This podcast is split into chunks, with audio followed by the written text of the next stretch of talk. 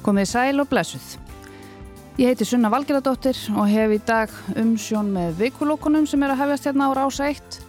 Það er laugadagur 4. mars. Og við erum hérna saman komin í efstaleitinu í stúdíu 6 eins og venja er ég og Þorbjörn Gísla Kolbrunarsson tæknumadur og við erum ekki hérna einn því að við erum hérna með þrjá góða viðmælendur til þess að fara yfir það sem fór hæst í vikunni. Og það eru kjaramálin, verðbólgan, menningin, sjúkdómatnir, svona þetta venjulega.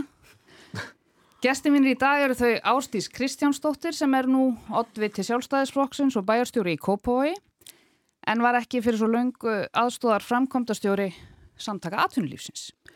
Og Flósi Eiríksson, ráðgjafi og fyrirhandi bæjarfulltrúi í Kópói en hann var líka ekki fyrir svo laungu framkvæmdastjóri starfskreina sambands Íslands. Og Mattias Tryggve Haraldsson, hann er tekstasmiður, listamaður, skáld, fyrverandi rétt. hattari. Verið velkomin. Takk. Takk fyrir. Ástís, það var tvísýnt með þig þegar ég talaði við þig í gær. Röddinn, hún var, hún var að gefa sig. Erstu búin að, ertu búin að ná þér? Já, ég er allavega skárra en ég var í gær, Já. ekki bara segja það, en eins og þú heyrir er ég ekki 100%. Ég get staðfest að þú skallar en þú varst í gær. en ég ætla að reyna að koma mér í gegnum þetta. Já, þú ert held ég, við erum nú öll eitthvað búin að vera hérna að, að ræskja okkur áður en við fórum í, í lofti. Það er búið að vera álag á, á þjóðinni út af alls konar um, en það er líka búið að vera alls konar öndunarfærasíkingar í gangi og COVID er ekki búið, eru þið búin að sleppa, drengir, við, við öndunarfærasíkingarna? Guð, ég, ég tala nú bara um luðru eða ekki luðru. Ég skil. Það var luðra í okkur uh, í síðustu eða það síðustu viku heima en uh, ég held að það hafi nú ekki verið neitt alvarlegt. En Sko. þið eru nú líka Já. Einmitt. þið eru nú líka búin að fá uh, nýjan nýjan Meðlim. meðlim inn á heimilið, þannig að það getur nú kannski það er hún sem ber alltaf hæst sko þessa dagana. Hún Sólei, hún er orðin 8 mánuða gömul. til hamingju. Takk. Hvernig er þetta nýja hlutverk? Það er bara dásanlegt sko. Það er bara, mér finnst lífið hafa annan og meiri tilgang en nokkuð tíman. Í gær klættum við hana í jarðaberja galla Já, og þið heldur kannski að ég meini sko galla með myndum af jarðaberjum en hún var sko jarðaberið og það var held ég hápunktur vikunar hjá mér og, og því við erum að tala um vikuna sem leið sko. þetta var svona eins og Maggie Simpson þegar hún er klætt í snjókala og þá er hún eins og krossfiskur. var Já, kannski sambærilegt að einhverju leiti, já. Mm -hmm. Allavega mjög krútlegt. Flósi, erst þú búin að sleppa við allar öndunarfærisíkingar og streftakokka og Já, og ég held að það er bara eitthvað vennlegt kvef eins og allir, en það er aldrei að ganga og maður sér það að vinnunu og kringu sig, menn er svona eitthvað heima við og svona. Og eitt af þessum breytist í COVID, og við skulum tala eins lítið um COVID og hægt er, er að allt í henni getur maður ákveða að vera heima ef maður er kvefaðar. Það er miklu minna veiku fólki í vinnunni. segjum við öll hér. Já, já, svona, veist, en þið skiljið hvað ég er að manna. Já. Maður getur bara sagt, hörðu það, ég er kvefaður, ég ætla að vinna heima. Mhm. og, og maður þarf þá ekki að vinna með hóstandi fólki eins mikið var. Sem mér finnst þetta svona eina fáum, eða eitt af því sem við lærðum í COVID, að maður má vera heima. Það er stór breyting, já, Já, samfélagur. en, en hefur þá ekki lokið umræðum um sjúkdóma? Jú, við skulum endilega ljúka hérna umræðum um sjúkdóma og færa okkur yfir í öllu hressari mál kjara viðræður. Um, kjara viðræður Uh -oh. samtaka atvinnulífsins og eblingar. Um, ég ætla ekki að, að þylja upp atbyrðarásina. Ég hafði síðast umsjón með vökulokkunum fyrir tveimur vökum síðan og þá var staðan, hún var örlítið önnur en, en samt sem áður ekkert svo gríðarleg. Það var nýbúið að leggja fram miðlunartillögu. Nú er nýbúið að leggja fram aðra miðlunartillögu um, og eins og ég segi, ég, við höfum ekki tíma og ég ætla að hlýfa okkur öllum við því að, að rekja þessa atbyrðar á sig geta heldur ekki.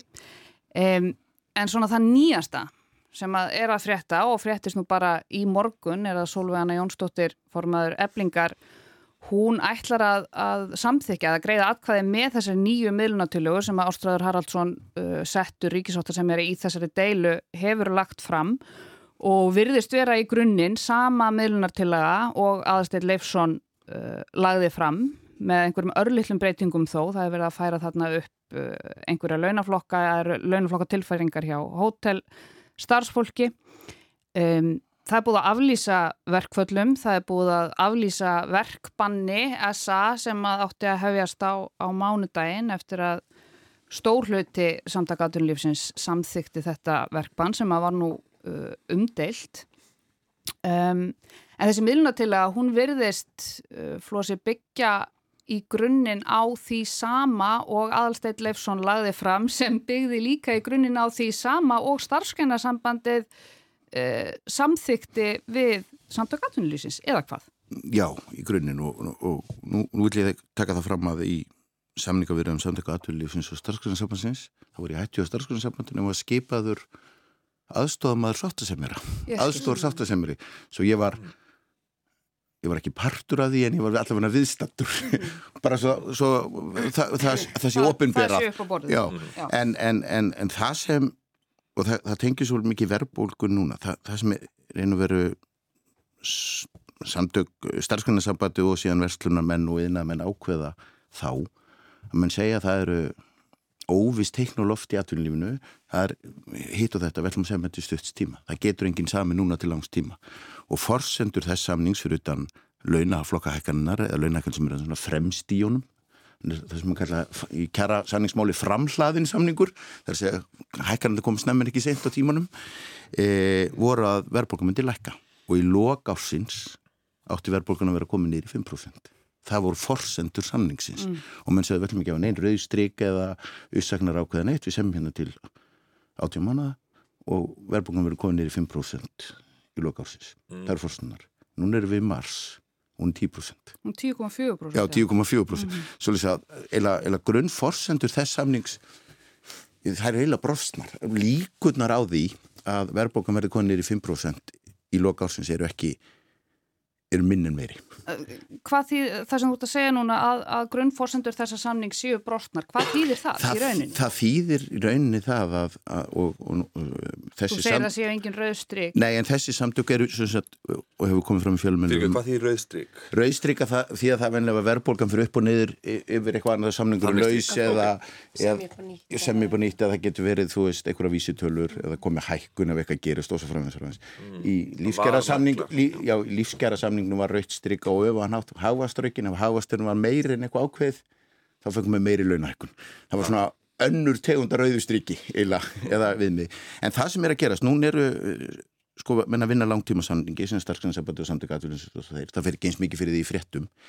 En þá segja mér náttúrulega núna ger ég ráð fyrir uh, í samtökum launafólks uh, þessa fórsendur okkar hafa ekki gengið eftir. Svo við þurfum að fá það bætt eða við þurfum að sækja það í næsta samningi þar að segja kjara viðræðinu sem eru að hefjast núna og þær verða ábyggilega daldi erfiðar mm.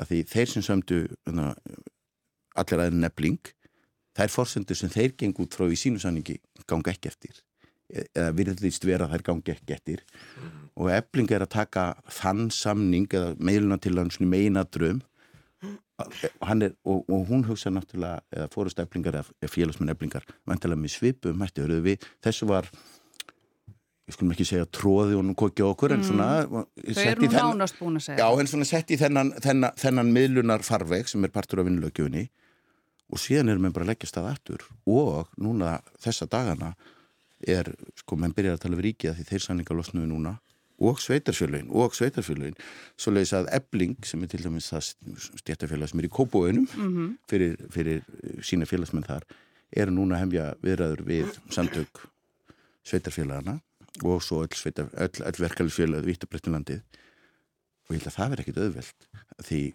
fjárháður sveitarfélagana hann er ábyggilega verri en flestra fyrirtækja hjá samtökum aðvölu eða margra til dæmis. Svo ef að þetta er svona minn ingangur í málinu Ástís, uh, mig grunar að, að þú hafið eitthvað að segja við þessu. Þú náttúrulega ert í svolítið sérstaklega stöðu, þú ert núna bæjarstjóri í, Kópói og, og varst áður aðstóðar framkvæmdustjóri samtaka aðtunlífsins þannig að þú ert uh, ættir að vera ansi vel þú ættir að vera ansi vel inn í þessum málum uh, og hafa skoðanir ef, ef við bara byrjum á, á þessari, þessari miðlunatilögu sem að uh, gefum okkur það að hún verði samþygt gefum okkur það Já, það er ekki hægt að fella hana tegnilega. Nei, er það nokkuð? Já, þú þart, sko, hel, 25% félagsmanna þurfa að taka mm -hmm. þátt og þeir þurfa allir að segja nei. Og, og líkurnar á því að 6.000 mann skreiði atkvæðum manna hjá eflingu og segja nei, ekki miklar. Eru við búin að vera að fara í gegnum allt þetta hafari þessi verkföll, þessar uh, samþyktir um, um verkbann til þess að, að að hótelstarfsfólk fái að færast upp um nokkra launaflokka og svo gleymum ekki heldur líka afturvirkninni sem að verðist vera í þessari miðlunatilögu. Hvernig líst þér á þetta? Já, ég hérna tek alveg undir það sem að Flós er um þetta að segja hér að, að, að það blasir alveg við að, að forsundur, eða svo maður segja, eru brosnar. Mm -hmm. Um, verðbólgan er núna í takjast af að tölu eins og við erum að ræða hér. En það sem er kannski ég verð nú bara að segja eins og er þegar fyrir samningarnu voru samþyktir þá lág þetta líka alveg í loftinu. Þá lág, var alveg ljóst að þetta, þetta er gríðarlega þungt og erfitt verkefni sem er framöndan að reyna að ná verðstöðuleikanum mm. endur heimta hann. Verðbólgan er mikil og hún er á breyðum grunni. Við erum að sjá það að undir liðir verðbólgunar eru vel flesti bara hækkum 5-10% langt yfir verðbólgumarkmiði selbankans og markasæðilar mm -hmm. hafa ekki trú á því að Sælabanki muni náinn í framtíð næstu árin á verðbólgumarkmiði sínu. Þannig að verðbólguvæntingar eru líka langt yfir verðbólgumarkmiði og sko ég, þetta verður gríðarlega erfitt og þess vegna er auðvitað Sælabankin að hækka vexti. Það ber bara lögum samkvæmt. Þarf hann að hækka vexti til að breðast við. Hann er búin að gera 11 sunnum held ég í röð. Já og miða við verðbólguvæntingar þá þurfa vextir að hækka mun meira og það sem ég líka kannski við þurfum að staldra við er staðan í hækjörunum. Ég finnst allar hægtölu vera rauðglóandi. E, hækjörðu okkar er bara á yfirsnúningi. Það er lítil sem engin verðbólka. Launahækkanir eru nú að mælast millir ára svona 8-9-10% og það er bara, ég get ekki betur séð en við sem að semjum svipaða launahækkanir í þessum kjærasamningum. Ég hef alveg gríðarlegar áhyggjur af stöðinni og því miður finnst mér að vera komin í sama, þetta er svona eins og við erum alltaf á repeat, mm. endur tekið efni. Við semjum um allt of mikla launahækkanir sem er ekki undirliggjandi grundvöldu fyrir eða efnaðstærði ráð ekki við og þá missum við tökinn. Við erum að sjá að verbulgan er mikil og hún er á breyðum grunni vegna þess að við erum að sjá að launahækkanir eru að smittast út í verðlægi mm. og ofitnun hækjur við sinns á sama tíma, uh, við erum að eigðum efni fram það er fjálagarhalli og það er viðskiptahalli þannig að við erum að eigðum efni fram bæði innanlands og erlendis og bara svona uh, hallarekstur leiður auðvitað til veikinga krónunar og þar leiðandi að, að innflutt verðbólka uh, fyrir af stað þannig að þetta er, þetta er gríðarlega erfitt viðfangsefni og Sæðlabankin getur ekki verið einn í þessari baratu og ég held eins og Flósi segir það eru átja mánuðir í næstu, næstu lóta, nú stutti mína lótu Já, hún er bara hún er bara rétt handan við hátni en þess þá heldur Guðminn almáttur þurfum við að byrja að ræða ætlu við í alvegurinn að keira á þessu vinnumarkas líkani, erum við ekki búin að læra af reynslunni, er ekki tími til komin eftir alla þessa þetta er ekki bara síðustu ár, þetta er síðustu ára týjir, aftur og aftur gerist þetta að við reynum einhvern veginn aðila vinnumarkaðins verða axla ábyrð, sammælast um við þurfum að uh, hvernig verðmætti verða til og hvernig við ætlum að dreifa þessum verðmættum. Þetta er verulegt áhugjafni. Ég vil nú ekki vera hérna svartsýnis pjesin en ég er bara frekar svartsýnis og sakir standa. En, en, en það aðeins með vinnumarkasmótilið uh, og við heyrum það alltaf verið hverju að menna að það sé ónýtt og við erum að taka upp við norræna og hitt og þetta. Uh, mjög margir sem tala um, um að taka norræna vinnumarkasmótili við ekkert hvernig það er. Og, og, og norræna vinnumarkasmótili er mjög ólít Danmark og Finnlandi nei, nei, og, og það skiptir ekki máli. áhorfandi. en pointið er að, að okkur hefur ekki tekist í sammála uh, í því. Það tóks kannski í lífskjærasanningunum 2019 og einhverju leiti að, að semja svona þá vorum við með hagvagstaraukunum að því að reyna að segja við ætlum við, að, við semjum einhverju launahækkunum ef það gengur betur þá fá allir meira, skilur við og það var svona nýjung og það tókst kannski að hluta til í kjærlesangunum 2015 líka almennu mannkaði og svona.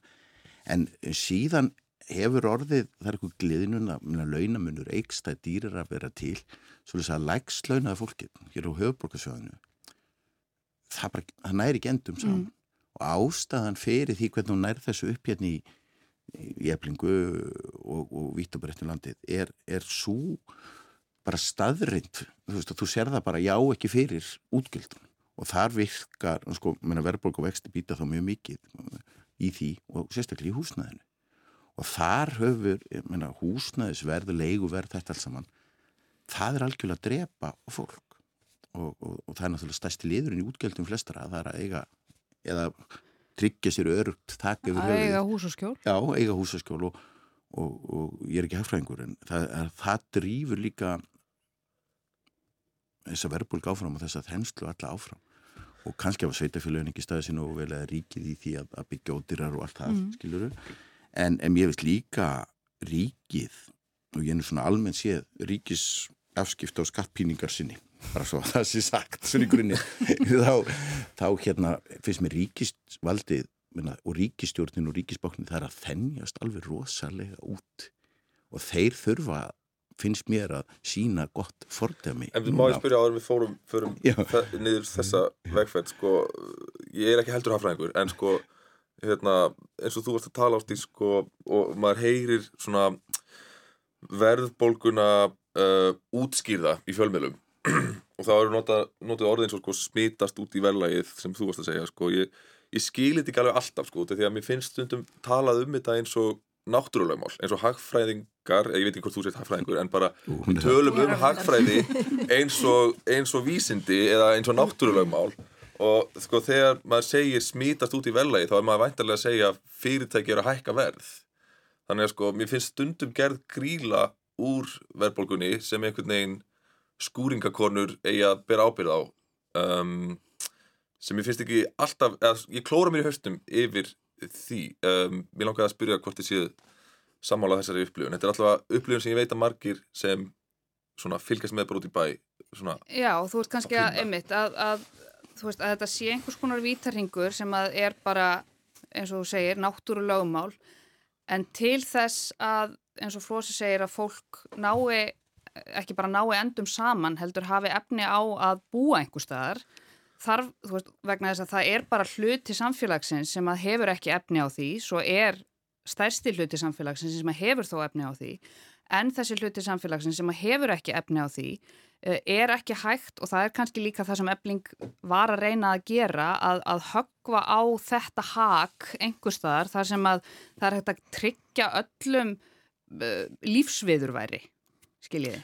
Og kannski var hægt að tala meir um sko að fyrirtækin gætu hugsanlega ekki hækka verð frekar en að segja skúringakonur gætu hugsanlega sleið af kröfum sínum eða sko mér finnst mm. sko já, ekki alveg svona jafnbræði þarna, eins og bensínverð bara var snar hækka þarna rétt fyrir En það er alltaf verið að uh, byðla til fólks uh, ástís eins og til dæmis uh, kannski frægasta frægasta byðlunartillagan að hætta að taka tásumindir á tenni. Uh, nú, nú er og það var svona, þú veist. Ég tók tásumynd á tenni en, en núna til dæmis uh, segi Bjarni Benediktsson uh, fjármálar á þeirra saði í fréttum bara í vikunni hann sagði kannski ekki við þurfum nánast að býða þetta af okkur sko en, en stjórnvöld eru ekki að bóða neinar aðgerðir, þau tala bara eins og þú varst að tala, bara þetta er slæmt við erum svart sín, þetta er ekki gott, við byggumst ekki við þessu, við þurfum að, en hvað?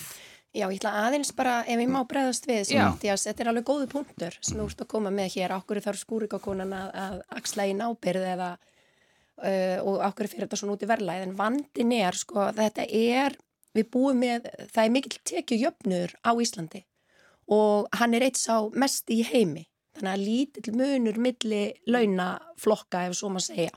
En, en það breytir eh, eða það?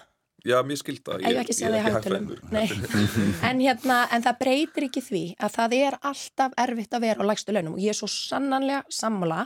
Við þurfum að aðstofa þennan hóp. Á Íslandi við erum við erum hérna ríkt eh, land, svo má segja, við erum auðlindadrifið hægkerfi og, og hérna verðmættasköpun er mikil á Íslandi.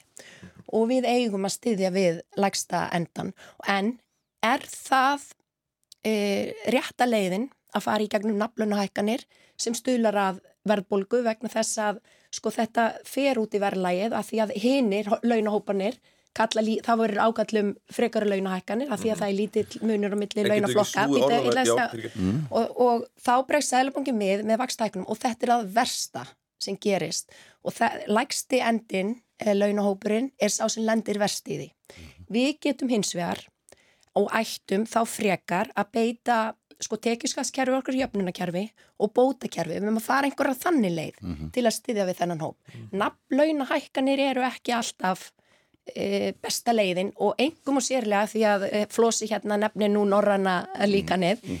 e, ég sé bara hvernig launahækkanir eru nú á Norðurlöndunum og það eru, launahækkanir eru tvisa til þrisa sinnum herri eða meiri heldur en þar. Þannig að við erum auðvitað bara við erum svolítið að gleipa allt saman. Af viljum... hverju högum við okkur eins og við erum að haga okkur? Af hverju, vegna þess að, að þú segir það er, það er lítið, eh, veist, það er lítið bíl á milli hæstu og lagstu launa eh, svona, yfir, yfir það heila. Auðvitað eru, auðvitað eru við með dæmi. Við erum alveg með dæmi, það eru einhverjir frangatustjórar og forstjórar sem eru með einhverja tíu miljónur á mánuði en, en eins og þú bendir á þá er þetta svona eh, yfir það heila, það er mikill jöfnuður hérna. Um, við erum samt sem áður ekki 400.000 uh, við erum að haga okkur eins og til dæmis bara landsbítalinn við erum að haga okkur eins og við séum miklu, miklu starra samfélag heldur en við í rauninni erum.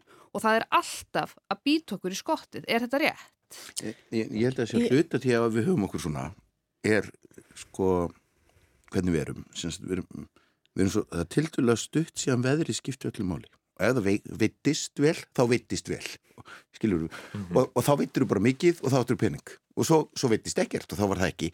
Og, og það var ekki og eins áttu, það var ekki ástæði til að, að, að leggja fyrir, eða það var ekki hægt að leggja fyrir. Þetta er svolítið eins og svona hýrðingi og veðingmanna samfélag bara meðan tímatur þá borðar mikið að mat. Og bara verðtíð eða ekki verðtíð Já, e ekki verðtíð, mér finnst við alltaf ennþá vera svolítið þar.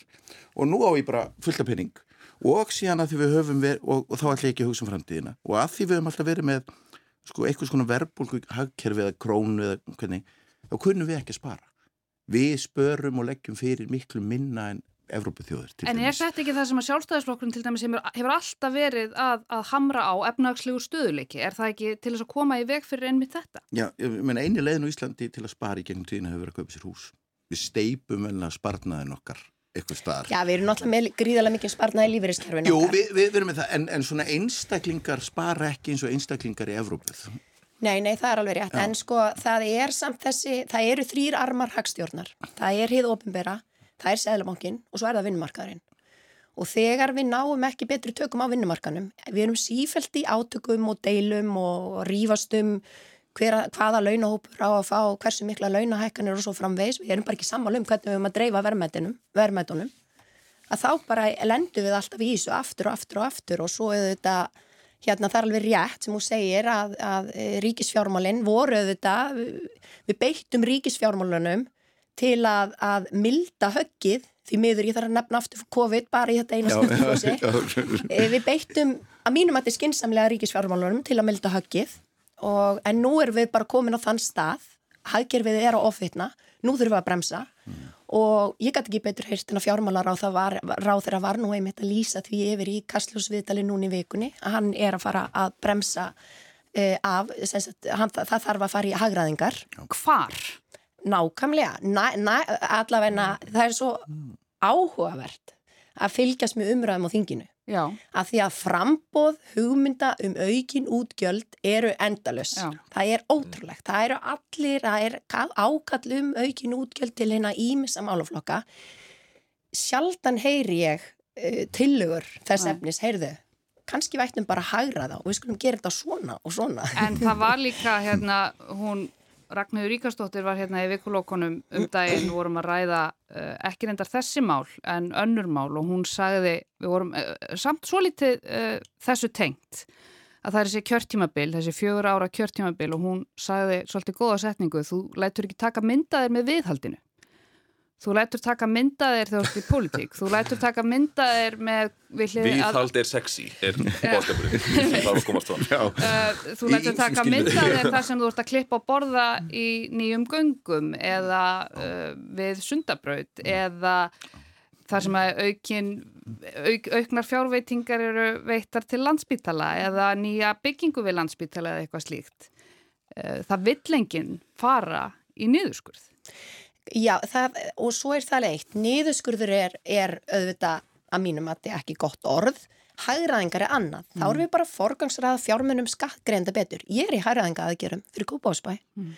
Af því ég sé það bara ef ég ætla að ná að, að halda rekstrinum áfram, réttu megin við nullið og standa vörðum grunn þjónustu bæjarins, þá þarf ég að ráðast í hægraðingar og ég þarf að forgangsraða fjármunum vegna þess að ég ætla að forgangsraða fjármunum bæjabúa í grunnþjónustuna en þá þarf ég bara að sleppa einhver öðru. Og það er alveg svona dúlu verkefni hér og þar í gangi hjá hinn og ofinbera, hjá ríki og sveitafélagum og þetta er bara spurningum að grípa til, eða sem sagt ráðast í þessar aðgerðir. Jú, þar er, ég veit ekki alveg hvort að ég sé endilega að fara að bósti svo Instagram, en það breytir ekki því, þetta snýst um það, við þurfum auðvitað bara að fara vel með fjármunni skakkreiðanda. En núna erum við með fjármálaráþara sem er nú heldur betur reyndur pólitíkurs og reyndur í þessu embætti. Um, og við erum með ríkistjórn sem er á sínu öðru kjörtímabili, auðvitað var fyrra kjörtímabilið uh, að mörguleiti förðulegt, ég ætla ekki að nefna af hverju, en uh, við erum með þessa breyður ríkistjórn frá vinsti til hægri þau verðast vera að vinna sæmilega saman allavega uh, fóristan, Sigur Ringi, Katrín og, og Bjarni. En, en samt sem áður uh, og svo erum við með sælabankastjóra sem að veigra sér ekki við að, að tala alls konar, hvort sem að við viljum kalla það mannamáli eða ekki. En, en samt sem áður þá sitjum við hérna og erum að velta fyrir okkur hvað þarf að gera og við höfum ekki hugmynd um hvað stendur til. Ég er alveg samanlega með fjármálaráþarann af reyndur stjórnmálamæður og, og, og í þessu ennbæti og þú sér það núna að ríkistöðunum er aldrei mæls með eins lítið fylgi í sögusinni eins og núna í mánagamótin. Uh, Sjálfstæðarflokkurinn tapar ekkit mjög miklu. Samfylkingin bætir mjög miklu við sig ímsum uh, ástæðum Bæði Vafki og Framsókn eru náttúrulega búin að Já, en Vafki og Framsókn, sko, Framsókn fekk náttúrulega sögulega opbóðslega góða kostningu síðast, mm. svolítið að það kannski ekki alveg viðmið, en, en, en, en, en uh, staða Vafki lítur að vera það mikið umhugsunar efni uh, fjóri þingmenn, ef ég mann rétti í sér í konun, búin að leiða hérna ríkisnjótt nokkuð lengi, mjög erfiðar kæra deilur og, og það kom fram í ekki þessari konun heldur síðustu að vafkinu 2% fylgis þeirra sem eru með 400.000 undir wow. og ef þú ert sagt, formaður í vinstri flokki eða, eða fórstumæður í honum þá lítur það að vera rosalegt umhugsunarefni að tráttur er alltaf góða sem hún eða flokkurinn er ríkistöð til þess að vera að gera að þessi hópur sem þú kannski tilur þið verið að tala einnmestir, hann ætlar alls ekki að kjósa þig. Mm. heldur og hann var með mestfylgi þeim sem voru með 800.000 og yfir. Þú veist, auðvitað er þetta bara svona þetta eru vísbendingar, þetta eru skoðanakannanir og allt það og, en, en, en maður hlýtur að velta þessu fyrir sér. Og þetta hefur náttúrulega líka áhrif á möguleika eða svigurum ríkistjórnarinnar til að gera eitthvað. Mm. segjum sér svo að ríkistjórnarinnar ætla að fara í hægraðingar sem hún held ég eða hvað, já, þar, já, þar já, hún ekki já, minna, já, eitthvað og, og þá þá lítur minna Vafki og Framsókn að hugsa minna, hva, hvernig för, lifum við það? Sko, ég ætla nú ekki að segja minna, what's in it for me en þetta er ansið mm. flókin staða fyrir stjórnmálamenn með litla með, sem standa árið veikar stjórn, sko, stjórnin verður alltaf veika sko, skoðanakannu skoðanakannu, stjórnin verður veikar og veikar það er erfiðar að keira upp stemminguna þegar þér finnst þú ekki verið að ná út í gegn. Og, og það er sama með stjórnarhanstöðinu henni ekki svona sjálfsöryggi og tröst mm. En þetta kallast bara ábyrg fjármálastefna á móti, þú þarft að bremsa hagkerfið, þú getur ekki látið seglabankana vera einn í, í hann getur ekki verið einn í þessu verkefni. Ríkisfjármálinn þurfa sína núna að þau ætla líka axla ábyrð og vinnumarkaðarinn og ég meina ef að framsókn og vinstir grænir ætla bara að fá horfingar og skoðanakannanir og halda áfram bara á, á, á sama hraða þá held ég að, að þær kannanum mun ekkert eh, verða skári en, en, En, en, en vissulega mjög jákvæmt að sjálfstæðisflokkurinn heldur sannanlega sínu fylgi sem sínir það líka að, að formaður flokksins og fjármálaráður hann hefur að mínum að þetta staði sem mjög vel í í fjármálaráðunetinu, hvað er ekki búin að vera þannig í tíu ár, Já, en nú, nú er auðvitað framöndan, þetta verður erfitt, það þarf að, að bremsa hækjörfið og, og fjármálaráð þarf að sína það í verki að, að hann ætla svo sannanlega að taka þátt í, í því með sælabankunum. Gætu þið ekki gert svona hagræðingar borða svo þið getur klift á eitthvað gert moment úr hagræðingum Góð hugmynd. bara ef ykkur vantar Þú vinnur á auðlýsingarstofum Já, og var alltaf í le leikús námi þannig að það er bara að gera gott leikús úr hagræðingunum held ég ok, Hægræðingar er ekkit slæmur. Fyrir ykkur sem voruð að kveikja á útvarpinu núna þá eru þau með stilt á vikulokkin sem eru hérna rétt rúmlega hálnuð. Þetta er ás eitt, ég heiti Sunna Valgeradóttir og gestin mínir eru þau Ástís Kristjánsdóttir, hagfræðingur, ég ætla að teitla það nú sem hagfræðing Og bæjastjóri. og bæjastjóri. Flósi Eiríksson og Mattias Tryggvi Haraldsson. Mér langar að halda aðeins áfram með þessa umræðu um peninga. Uh, Flósi, þú komst aðeins inn á fylgið, uh, fylgi ríkistjórnar flokkana. Það er nú kannski ekki, það er ekki kannski neinar gríðarlegar fréttir í því að sjálfstæðisflokkun sé ekki að, að missa, uh, missa mikið fylgi í skoðanakonunum. Það er náttúrulega, uh, þetta er tryggur, tryggur hópur sem heldur sér við sjálfstæðisflokkin. Uh, Ástís, þú ert oddviti sjálfstæðisflokksins í, í Kópásbæ og bæjastjóri, eins og við komum inn á. Um, þú talaði líka um að, að Sæðlabankin getur ekki staðið í þessu einn, en síðan, uh, síðan mætir formaður sjálfstæðisflokksins, fjármálráðara Bjarni Benediktsson og, og skýtur skotum á Sæðlabankastjóra uh, þannig að, að það er, það er og, og svo sjáum við líka út á við sko uh, að það er, það er ósætti innan ríkistjórnarinnar út af hinu og þessu. Uh, ætla að nefna bara Jón Gunnarsson dómsmálaráþara og ímislegt sem að hann hefur uh, gert sem að hefur farið illa í kannski sérstaklega vafgjeli eða í, í ríkistjórninni um, Salan á Íslandsbanka við, við ætlum ekki að fara, fara mikið inn í það en það hefur líka valdið alls konar uh, sundrung meira segja ofinberlega innan ríkistjórnarinnar Svo horfum við á vinnumarkaðin og það eru Solveig Anna og Haldur Benjamin. Það eru átök allstaðar einhvern veginn. Það, það virðist sem, uh, þú veist, við sem einhvern veginn áhorfendur, horfandi á, á þetta utanfrá, sko, að fólk, fólk er alltaf að rýfast einhvern veginn og það virðist ekki vera neinn svona beinlausn í sjónmáli og það þarf alltaf einhvern Ástráð Haraldsson eitthvað að koma með einhverjar miðlunartillögur eftir alls konar hafari sem við hefðum kannski geta sloppið við er hvað, hvað finnst þér að ríkistjórnin eigi núna að gera við bara með, með fjármálar á þeirra í forman sjálfstæðarsflokksins kannski í, í broti fylkingar í þessum málum hvað þarf að gera? Hvar, hvar getum við farið í hagraðingaraðgerir til þess að ná utanum þessa verðbólku? Já, Stórtir spurning. Rosa aðdraðandi. Það eru, ég meina það eru uh, miklar fjárfestingar framhundan. Eru við að sjá einhver staðar að hægt að hæja á framkvæmdum? Ég veit það ekki. Nú er ég ekki fjármálar á þeirra. Um, er hægt að, uh, sko, hvar getur við dreyður útgjöldum? Ég myndi ætla að það er erfitt, auðvitað við þurfum að eins og ég er að horfa út frá mínu sveitafélagi, ég er að styðja við grunnþjónustuna, ég stend vörðum það og það sannarlega við líka að gera með ríkisfjármálinn.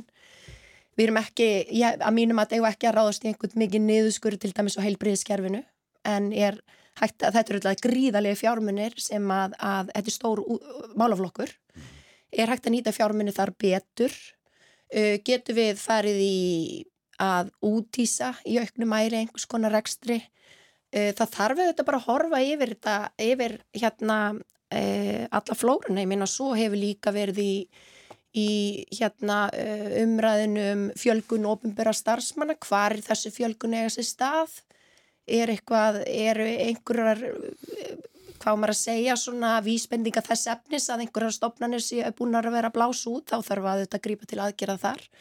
Þannig að, að ég held að e, ef að ég væri fjármálar á þeirra þá myndi ég nú bara fara bara í það verkefni að, að uh, lesa stöðuna, skoða hvar tækifærin liggja, ef að, það má kalla þetta tækifæri eða svo mann segja, en, en þetta er alveg rétt hjá þér, það er svona, þetta eru búið að vera rosalega leiðilegi mánuðir, svona fyrstu þrýr mánuðir ásins og guðminn almáttu með allar þessa lægðir, gular, rauðar, appisunu, gular og alls konar, kannski hefur það eitthvað að segja, en það eru átök alls þar Já.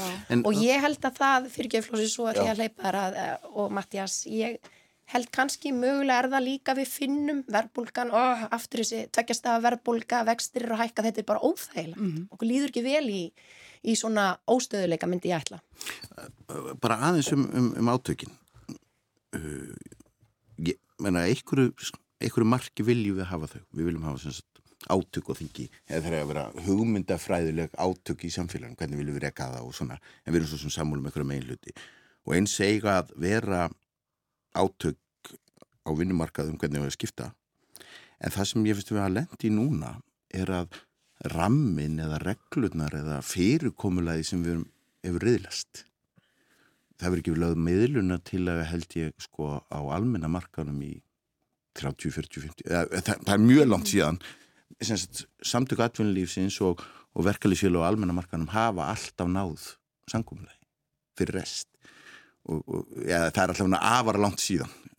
Og, og við erum einhvern veginn svona mist getuna stundu finnst mér til þess að rífast en ná svo niðurstu uh, og, og, og ég finnst að líka stundum í þingjunni svolítið maður er stundum tilfengur þau séu ekki að tala saman þau eru ekki að tala hvort við annað. Þetta er til dæmis svolítið öðruvís í sveitastjórnum og nú hjáta ég það að ég hlusta ekki hvern bæjastjórnumfund nú arðið þó sem er, er útvarpæði gópa og eru örkla frábæðilega skemmtilegir allir Alveg Ég um það. Ég vænt þess að Mattias hlustar á hvern einasta bæjastöð Já, ég Ég hef bara aldrei hlustað á minni en, en ég finnst í stundum að aðeins að var- glata þess, þessu Já, þetta er sem við erum að gera hér Alveg að rétt. tala saman En Mattias, mér langar aðeins að, að fá þitt uh, Ég siti þetta á Þitt- milli tveggja sko reynslu Tveggja turna. hérna, Tveggja turna. Takk fyrir að stilla þessu svona upp Já, og ég er bara- bara, já, Við erum eftir að tala um Eurovision Já, það, Er, það er rúsinan sko. Mér langar aðeins að fá þitt, uh, þitt þína sín á þetta sem ég var að segja varðandi þessi,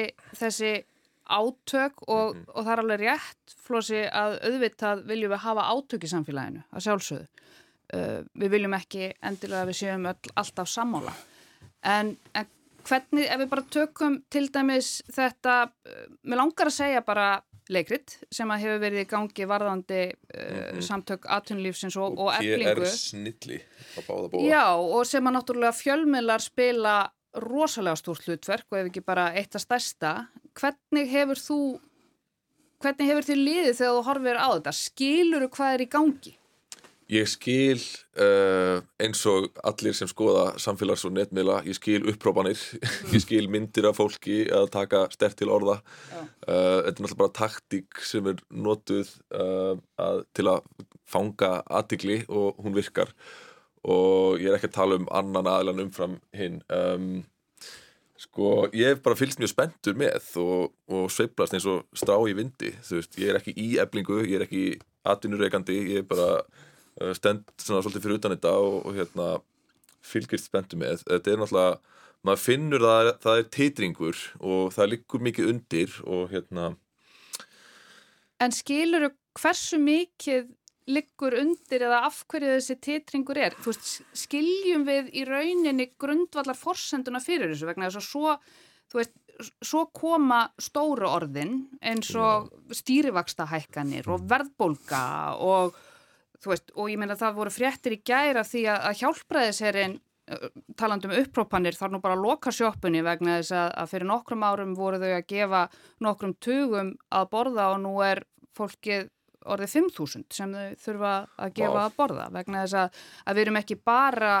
í verðbólgu og fólkna er ekki endum saman heldur það geysar líka stríð Ég í já. og við erum að taka á móti, móti fólki. ég, ég get ekki sagt að ég skilji á eigin raun uh, þann efnahagslega raunveruleika sem knýr fólk til að, til að hérna, leggja niður störf. Ég hef búið þau forréttindi þannig að, þannig að stundum sko upplifum að, að öðru megin er talað um sko lögfræði og, og hagfræði sem er gott og gilt en á hinum endanum er bara talað um einhverja hérna einhvern veruleika sem bara hérna snertir um, lífsviðurværi uh, bara, bara alveg í, í grunnstóðum þarfa píramítans ef við getum Mhm. orða sem svo um, en sko ég hef sveiplast eins og ég hef sveiplast eins og strá í, í vindi í þessu sko og bara oft fengið mér pop og kók og, og fylgst með sko. Hvað kemur núna? Og þú nefnir ástráð en þú nefnir ekki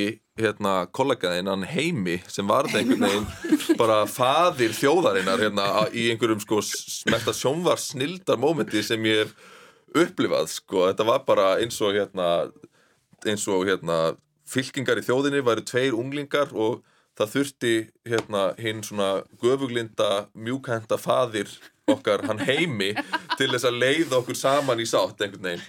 Uh, sem var mjög einhvern veginn merkilegt út af því að þú veist, þú ert að lýsa skautun og hérna uh, búblum og þessu hérna algríma, segjum það ekki, algrími algoritma fargani sem einhvern veginn er bara búið að gleypa okkur öll og við erum að tala inn í hvert sína búbluna og hérna uh, Gretar kollegi minn var nú með ágættis rýni á, á þá PR mennsku sko að tala inn í sinn hóp. Mhm. um, það, var, það hefur verið gert mjög vel og maður hefur skinnjað það. Þannig að já, fyrir mér sko sem fyrir um fréttamanni og, og, og leikhúsmanni og, og bara áhorfanda út í bæ þá finnst mér þetta mjög spennandi tímar sko. En endar svona pff, það er svona svolítið loftlaus bladra að endi á miðlunatölu sko ég er alveg sammála því. Maður hefði viljað sjá einhvern veginn við, samninga auðvitað við ástýst ekki án bæða þó þetta líti stundum svolítið spennandi út út í frá. Þá Ég er að þetta er ekki kjarasamning skerðin sjálf sem sagt vinnan hún er alveg rosalega lítið spennandi. í raun og veru. Það, það, það þarf að gera hann og menn eru að vanda sig það. Það er alveg opbóðslega mikið alveg opbóðslega lungum tiltölulega reyðilum fundum. Og, og ég dáist af því fólki sem gefur síða. Og, og, og að því út að nefna þetta með hjálp, hjálpræðisérinn ég var að, að því ég er í svona almannasamtökum í mínu sveitafélagi, íþróttafélaginu. Sko, verkefliðsfélagur eins, Rauðkrossin eins, Björgunarsveitin eins það er eitthvað fólk sem gefur sig í eitthvað. Stjórnmáluflokkar er í grunninn eins þó að sé tísku að tala ítlum á þá. Er stjórnmáluflokkar í grunninn það er eitthvað fólk sem ákveður að stopna félag að því því langar að gera sínu samfélagi eitthvað gagn. Og það er í alls konar flokkum. Og fæsta því uppsker nokkuð menn alltaf að tala um einhverja spilling og bytling og svona fæsta því uppsker nokkuð nema það að fá að starfa fyrir flokkin leggja fram jú, og svo vinnur flokkurinn og, og þau eru glöð og svo bara held þau áfram. Og eins er þetta í öllum þessum félögum. Meina, í, í verkefælisfélagunni það eru verkefælisfélag á Þórsöfn það eru 200 manniskur í verkefælisfélagi Þórsöfnar ég fór á aðalfundin einu sinni. Mættu 25 það var eins og að myndi mæta sko fjögur, fimm þúsund á fundin hjá eflingu Já. Sko, bara almennu félagsfundur haldin í húsnaði björgunarsveitarinnar skilur, það er þessi allt þetta fólk sem er ég dáist alltaf að sko bara í þessu og, og ég var nú að vera fulltrúið sko unga fólksins hérna í þessum þætti sko, sem var mér sagt. Hérna, og, og við tókum það reyndar til okkar aðeins við ástís það var ekki einn orð. Það var þáttastjóta sem stilti í þannig upp. En sko, sko ég, ég upplifi að þetta sé alveg rétt sko, þetta er mjög aðdánavert og, og hérna svona félagastarf, hvernig, hvaða mynd sem það tekur sko, og því miður eh, höfum við eh, sem yngri við kannski ekki nógu mikil áhuga bara á sko kjaramálum og hérna félagastarfi. Þannig að- og ekki heldur pólitík. Þú veist, það nema kannski á grinn, grinnri hátt en maður, og nú er ég að dissa hérna, jafnaldra mína nær og fjær, það er, veist það er einhver fyrirsagna lenska og áhugaleysi og kannski svona, von, svona sem ég get svo sem alveg tengt við, svona trúleysi svona, maður sér fólk rífast á þingi og einhver staðar undir niðri er tilfinningin um að sé verið að fara með leikrit fólk er ekki að tala við hvert annað þetta breytir í raun engu. Akkur ætti ég að hafa áhuga á þessu? Mér finnst ekki eins og hérna fólk upplifi tilkall til þess að hafa áhuga og áhrif uh, á stjórnmál Ég held að sé líka bara hvernig umræðan er eins og þú ert að koma inn á frósi. Það er svolítið verið að tala hvað, niður eða oft leiðilega um stjórnmálamenn og konur. já, því, já, Og hérna, bara flagga því, talandi um félagskap áður en ég kom hinga, þá er ég búin að sitja lögatarsfundi í Kópói með sjálfstæðisfloknum það er okkur í meinasta lögata, ég er búin að fá mig veflu og lusta og gesti. Flósi, vilt þú ekki líka segja hvaðan þú varst að koma? Ég var á flokkstjórnafundi samfélkingarnar í morgun. Og, og, og, og þegar flokkurinn ætlaði að fara að kynna nýtt merki sem ég var spenntið fyrir að geta litið út þá þurfti ég að fara og koma hinga svo, svo það er en, en, en, en, en á báðum þessum stöðum þá er fólk mætt af, af áhuga á sínu Já. samfélagi. Og, og, það, og, og, og það getur vel verið og er örglega fyrir svo ungu fólki langar ekkert að endilega koma í morgunkaffi hjá sjálfstöðuflokknum og lögtasmónni en við þurfum að velta fyrir okkur að finna leiði hvernig kemur það að stjórnmálum eða félagsmálum? Og maður sér alltaf veist fólkið í slísavarnadeildinni, konundar í slísavarnadeildin út á landi sem baka á sjómanadaginn þessu fólk er alltaf, og ég er ekki við þú veist, þeim er alltaf að fækka það er alltaf færri og færri Einmitt. og, og, og, og, og við gerum við erum sjálf miður við erum til í að- að leggja fram eitthvað að gagnast okkur og okkar börnum Þetta er umtala vandamál, það vantar sjálfbóðaliða Já. bara marga pósta já, marga, al, al, þú veist, emitt þú veist, En er þetta ekki svolítið, ég ger ekki neitt fyrir neitt sem ger ekki neitt fyrir neitt?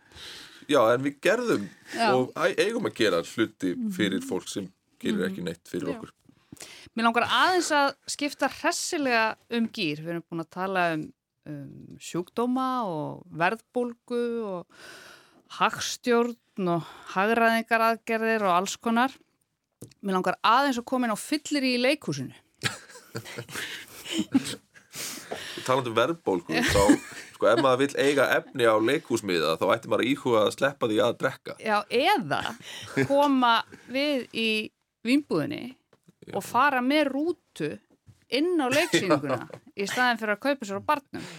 Aha. Eh, Mattias, þú ert eh, hókin af reynslu sem fulltrúi ungu kynnslóðarinnar í leikhúsinu. Þú hoknari en, en við öll held ég. Já, Eh, ég ber taugar til þú leikhúsins gerir það. Mhm. eh, af hverju er fólk á fyllir í á leiksýningum? út af því að það eru pleppar bara, held ég Já.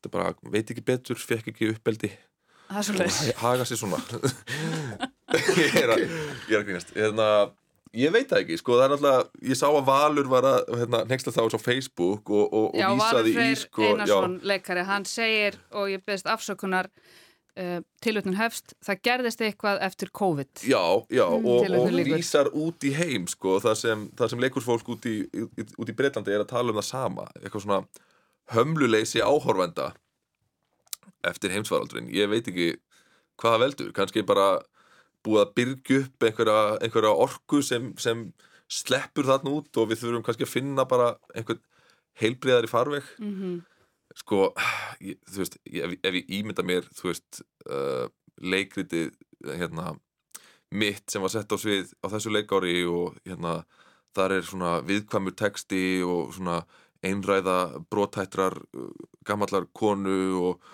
og svo opnar einhver túborg og rópar, þú veist, það væri ekki stemmingin og kannski þorri fólk búin að borga 7-8 kall fyrir miða sko. það, það finnst mér ekki hérna, til fyrirmyndar en svo er aðra sýningar sem, þú veist Já, eins og kannski mátulegir. já, mátulegir sem fjallar beinlega en þó, sko, þarf fólk að kunna sér hóf um, og ég mæli bara eindegi með því að, að sleppa því að drekka um, Mhm. ég, það er komið meira en ár síðan ég drakk síðast og það er bara, hérna, það eru fleiri gleði hormón, hérna, í heilanum og me betri svefn og hérna, meiri peningur í buttunni og nú fer ég ekkert rosalega oft í nú fer ég ekkert rosalega oft í leikús en er þetta vaksandi, er þetta meira og meira vandamál? Þú veist já, mér, mér, mér, mér myndi ekki dettið í hug og ég, ég er alveg þannig upp ég get ekki farið í leikús nema fara hans í betri fötuna því maður er að fara í skilur ég er- er ekki fyrir sem ég geti farið í leikús í galla að því mamma hefði aldrei leift mér það. Þú veist, það að vera hinnendin sko. Mér finnst að fólk eigi að finnast að sko, eiga leikhúsið og það á að hafa skoðun á því eins og þið upplýðið örglum stjórnmálin að sko, þetta er leikhúsið okkar og við eigum það saman og þú átt ekkert að hérna, sitta í svaka stellingar þegar þú kemur í leikhús þóttu sért vissulega búin að borga fara að inn en, en, en hinnendin er þetta að, að, að virðingu við aðra gesti ættir að kunna þér hóf. Og þetta er eitthvað sem leikarar kvart yfir og, og, og bæði hér og erlendis. Ætla hann ekki að fara á fyllir í. Það er kannski að fá sér eitt rauðsglas fyrir tvo, Já, ekki þrjá. síningu en og þarf að detti í það. og þarf að fara með rútuna inn. Já, Mér var sagt þetta sko um hérna, áfengi fyrir performance á sviði. Getur fengið einn, getur fengið tvo en alls ekki fá þér þrjá Já, það er svo leiðis. Vitur maður, sagði mér þetta Já. Mér langar að, að halda okkur aðeins í, í menningunni. Það er stór dagur dag. Það er lögadagur, það er fjóri mars og það eru úrslitt söngvakeppninar í kvöld. Þar eru við líka með mann á meðal vor sem er hókin af reynslu á því sviði. og allt í öðru upplýði sviðinu. ég sé einhvern veginn turnin og Svona skipt. Þarna var, ég þarna var það lítill pólari. áðan og nú er ég Þú varst þú risastór sko. Yey, já Hefur þú fyrst með? Já, ég var á generalpröfun í gær, ég fór með tveim uh, frængum mínum Hvernig var? Það var bara ógleymanleg stund, sko Önnur þeirra, svo eldri heldur með Diljá og hinn heldur með Siggu og ég fór með þá yngri að finna hana Siggu til þess að taka selfie og, og Clemens pappi þeirra fór með þá eldri til að finna Diljá taka selfie og þetta var bara dásamleg stund, sko Mundur þú einhvern tíman reyna að taka aftur þáttu í Eurovision? Nei, aldrei á minni æfi mun það gerast Af hverju ekki? Ég bara, þetta var ótrúleg lífseinsla sko en ég er eiginlega svona komast að því bara prívat og persónulega og þetta gerðist þegar ég fór að vinna við það að syngja fyrir fólk að hérna, ég ætlaði aldrei að syngja fyrir fólk og hef enga sérstaka ánægju af því að, að syngja fyrir fólk. Þannig að þetta er ekki mitt þótt að þetta hafi verið sko ótrúlegu rússibani sem hérna uh, tók mig á staði sem ég er mjög þakkláttur fyrir þá hérna e- var aldrei upplegið að verða einhver svona Eurovision típa um, já, hvað þá atvinnu söngvari sko. Ástís, ert þú búin að fylgjast með Euro? Já, söngvakeppninni? eh, já, ég hef gert það og ég ætla nú bara eftir þennan þátt að bruna upp í bústað og, og horfa á þetta með dóttu minni og, og, og vinkuna hennar. Þannig að það verður eitthvað Eurovision party í kvöld. Mm -hmm. en mér langa aðeins út af því að ég er ekki mikill sérfræðingur hvað var það Eurovision en ég ringdi vin í gær sem að, hérna, ég á vinkonu sem að er sönguna og hefur verið í domnemnd og, og veit allt um Eurovision og hún kom með svolítið skemmtilega punkta og eitt punkturinn er sá að sko, hvernig Eurovision var til. E, fyrsta Eurovision-gefnin var haldið 1956 og í raun auðvitað eftir stríð og átök og annað og, og hérna þetta var svona undir þeir formerkjum að reyna að samina Evrópu, halda söngakeppni, söngar að stíga á svið og svolítið svona Evrópa sem, sem svona, já, saminningatá. Ef ég má bara skjóta inn í þá upplifi ég sjálfur að við erum bara strax saminæðri við þetta borð tala, að, tala um Eurovision þannig að þetta er Nákvæmlega. kraftur Og þá þessu segi ég, eigum við ekki bara að halda söngakeppni fyrir vinnumarkaðin? svona saminningar. Ó, ég væri ég má taka Flossi, það. er þetta góð hugmynd? Þetta er bara að því á þingi starfsgrunnarsambansins þá vorum við með hófumkvöldið og það var singalong og, og, og það var sem sagt um sönguna, hún Hera Björk og, og svo með heftu og svo sungum við með Heyra Björg sem, sem kendi mér að syngja fyrir sko, þáttökuna úti. Nótalega. nema, og það var sungin alls konar lög. Þetta voru sem sagt 145 fulltrúa verkefælisfélagana vitt og breyttum landið. Og lagið sem sló í gegn, eða þeim fannst best og stóðu allir búið sungu, var Simpliði best með tínu terner sem var alveg geðvig ábúðslega skemmtileg stund þegar stóðu allir og sungu. Við er Simpliði best Já, máttur, máttur listarinnar er nefnilega svo litið magnaður. og þá sérstaklega Eurovision Já, sérstaklega Eurovision. Og þið síndu það nú aldeilis þegar að, að þið voru þarna úti í hattana. já, takk fyrir það, vá ég vona Em, með hvaða lægi helduru? það uh, uh, ég held með Celebs Já, ég sá eitthvað á, á Twitter að ég man ekki hvernig það var akkurat en það var sagt að Celebs var eins og hattari búið að taka gleðipilutna sínar eða eitthvað sluð. já, það, það er rétt Já. greining En þú, Flóri? ég hef ekki heyrt neitt af þessum lög Það er svo leiðis. og, og, og ég skulle bara segja að verður svo mikið að gera ég, uh, mín börnur er það stór að þau halda mikið efni og ég fer bara alltaf á Eurovision kvöld sjálft Já. partí og týbrúsistu minni og sé þá öll lögin frá öllu löndunum í fyrsta skiptu og finnst rosa gaman og, og bara allt frábært en ég hef semst ekki heyrt eitt einasta lag Einmitt. og ég veit ekki hverjum með hverjum ég á að halda þannig að þú kemur bara ferskur að þessi kvöld já. Algjörlega. En þú, Ástís? Já, heyrðu, Hver fær ég, fér, ég veit að ég eftir að, að ég ætla svona að horfa á þetta í kvöld og gera upp hugminn en mér finnst uh, Celeb hana, skemmtilegt, svona öðrisi og Sigga Ósk og svo Diljá Mm. það er svona, Ok. en ég veit það ekki. Ég ætla samt aðeins, ég ætla að hlusta í kvöld. Sjá, ég er ekki alveg búin að taka endanlega ákvörðun. Hvað er ég ætla að niðurstaðan er að, að kalla aðila vinnumarkaðarins í Karoki Já. og Herabjörg stjórnar því. Mm. ríkistjórnina líka kannski. Fáðu bara öll til þess að syngja þeim saman og lefa sæðlabankastjóra að vera með Já, já, já, já. Hann er dómarinn Hvað ætlaði að gera annað um helgina? Þú ert að fara í bústað Mattias, hvað ætlaði þú að gera um helgina? um, Ég er að fara að um, skoða veistlusal núna eftir Nú, hvað stendur til? Hugsanlega gifting Halló, veit Er hún af því? mér? Hún veit af því sko. En það er ekki margir aðri sem veit af því Ok, en ég ekki skal tala um mér. uh, En ég segi hugsanlega og kannski og, Ég hérna, skil Þú lætur Ok. okkur ástísu svo bara vita hvar og Þú Spennandi, við höldum ræðu eða fyrir mýri máli spennandi Hvað ætlaði þú að gera? Þú ætla- ert að fara aftur á, á samfylkingarfund? Já, ætli, ég ætla að gera þannig, ég ætla aðalega að það er dreigið úr ég sótum að veiða hrindir það er dreigið á, á netinu klukkan tvö. Ah, svo ég ætla í beinni. Dreigð já, þetta er, þetta er pottur, þú veist, þú sækir um og svo bara fara, og svo dreigið, þetta er, þetta er alveg frábært lottó. fyrirkomulag í að útluta almannagæðum og við getum notað víðar. En, en ég mun sér að sitja fyrir fram á tölvun og það er dreigið í Excel, það rúlar svona Excel listi yfir skjáin með nöfnum í tvo tíma, þetta er algjörlega hillandi sjónsefni. Spennandi.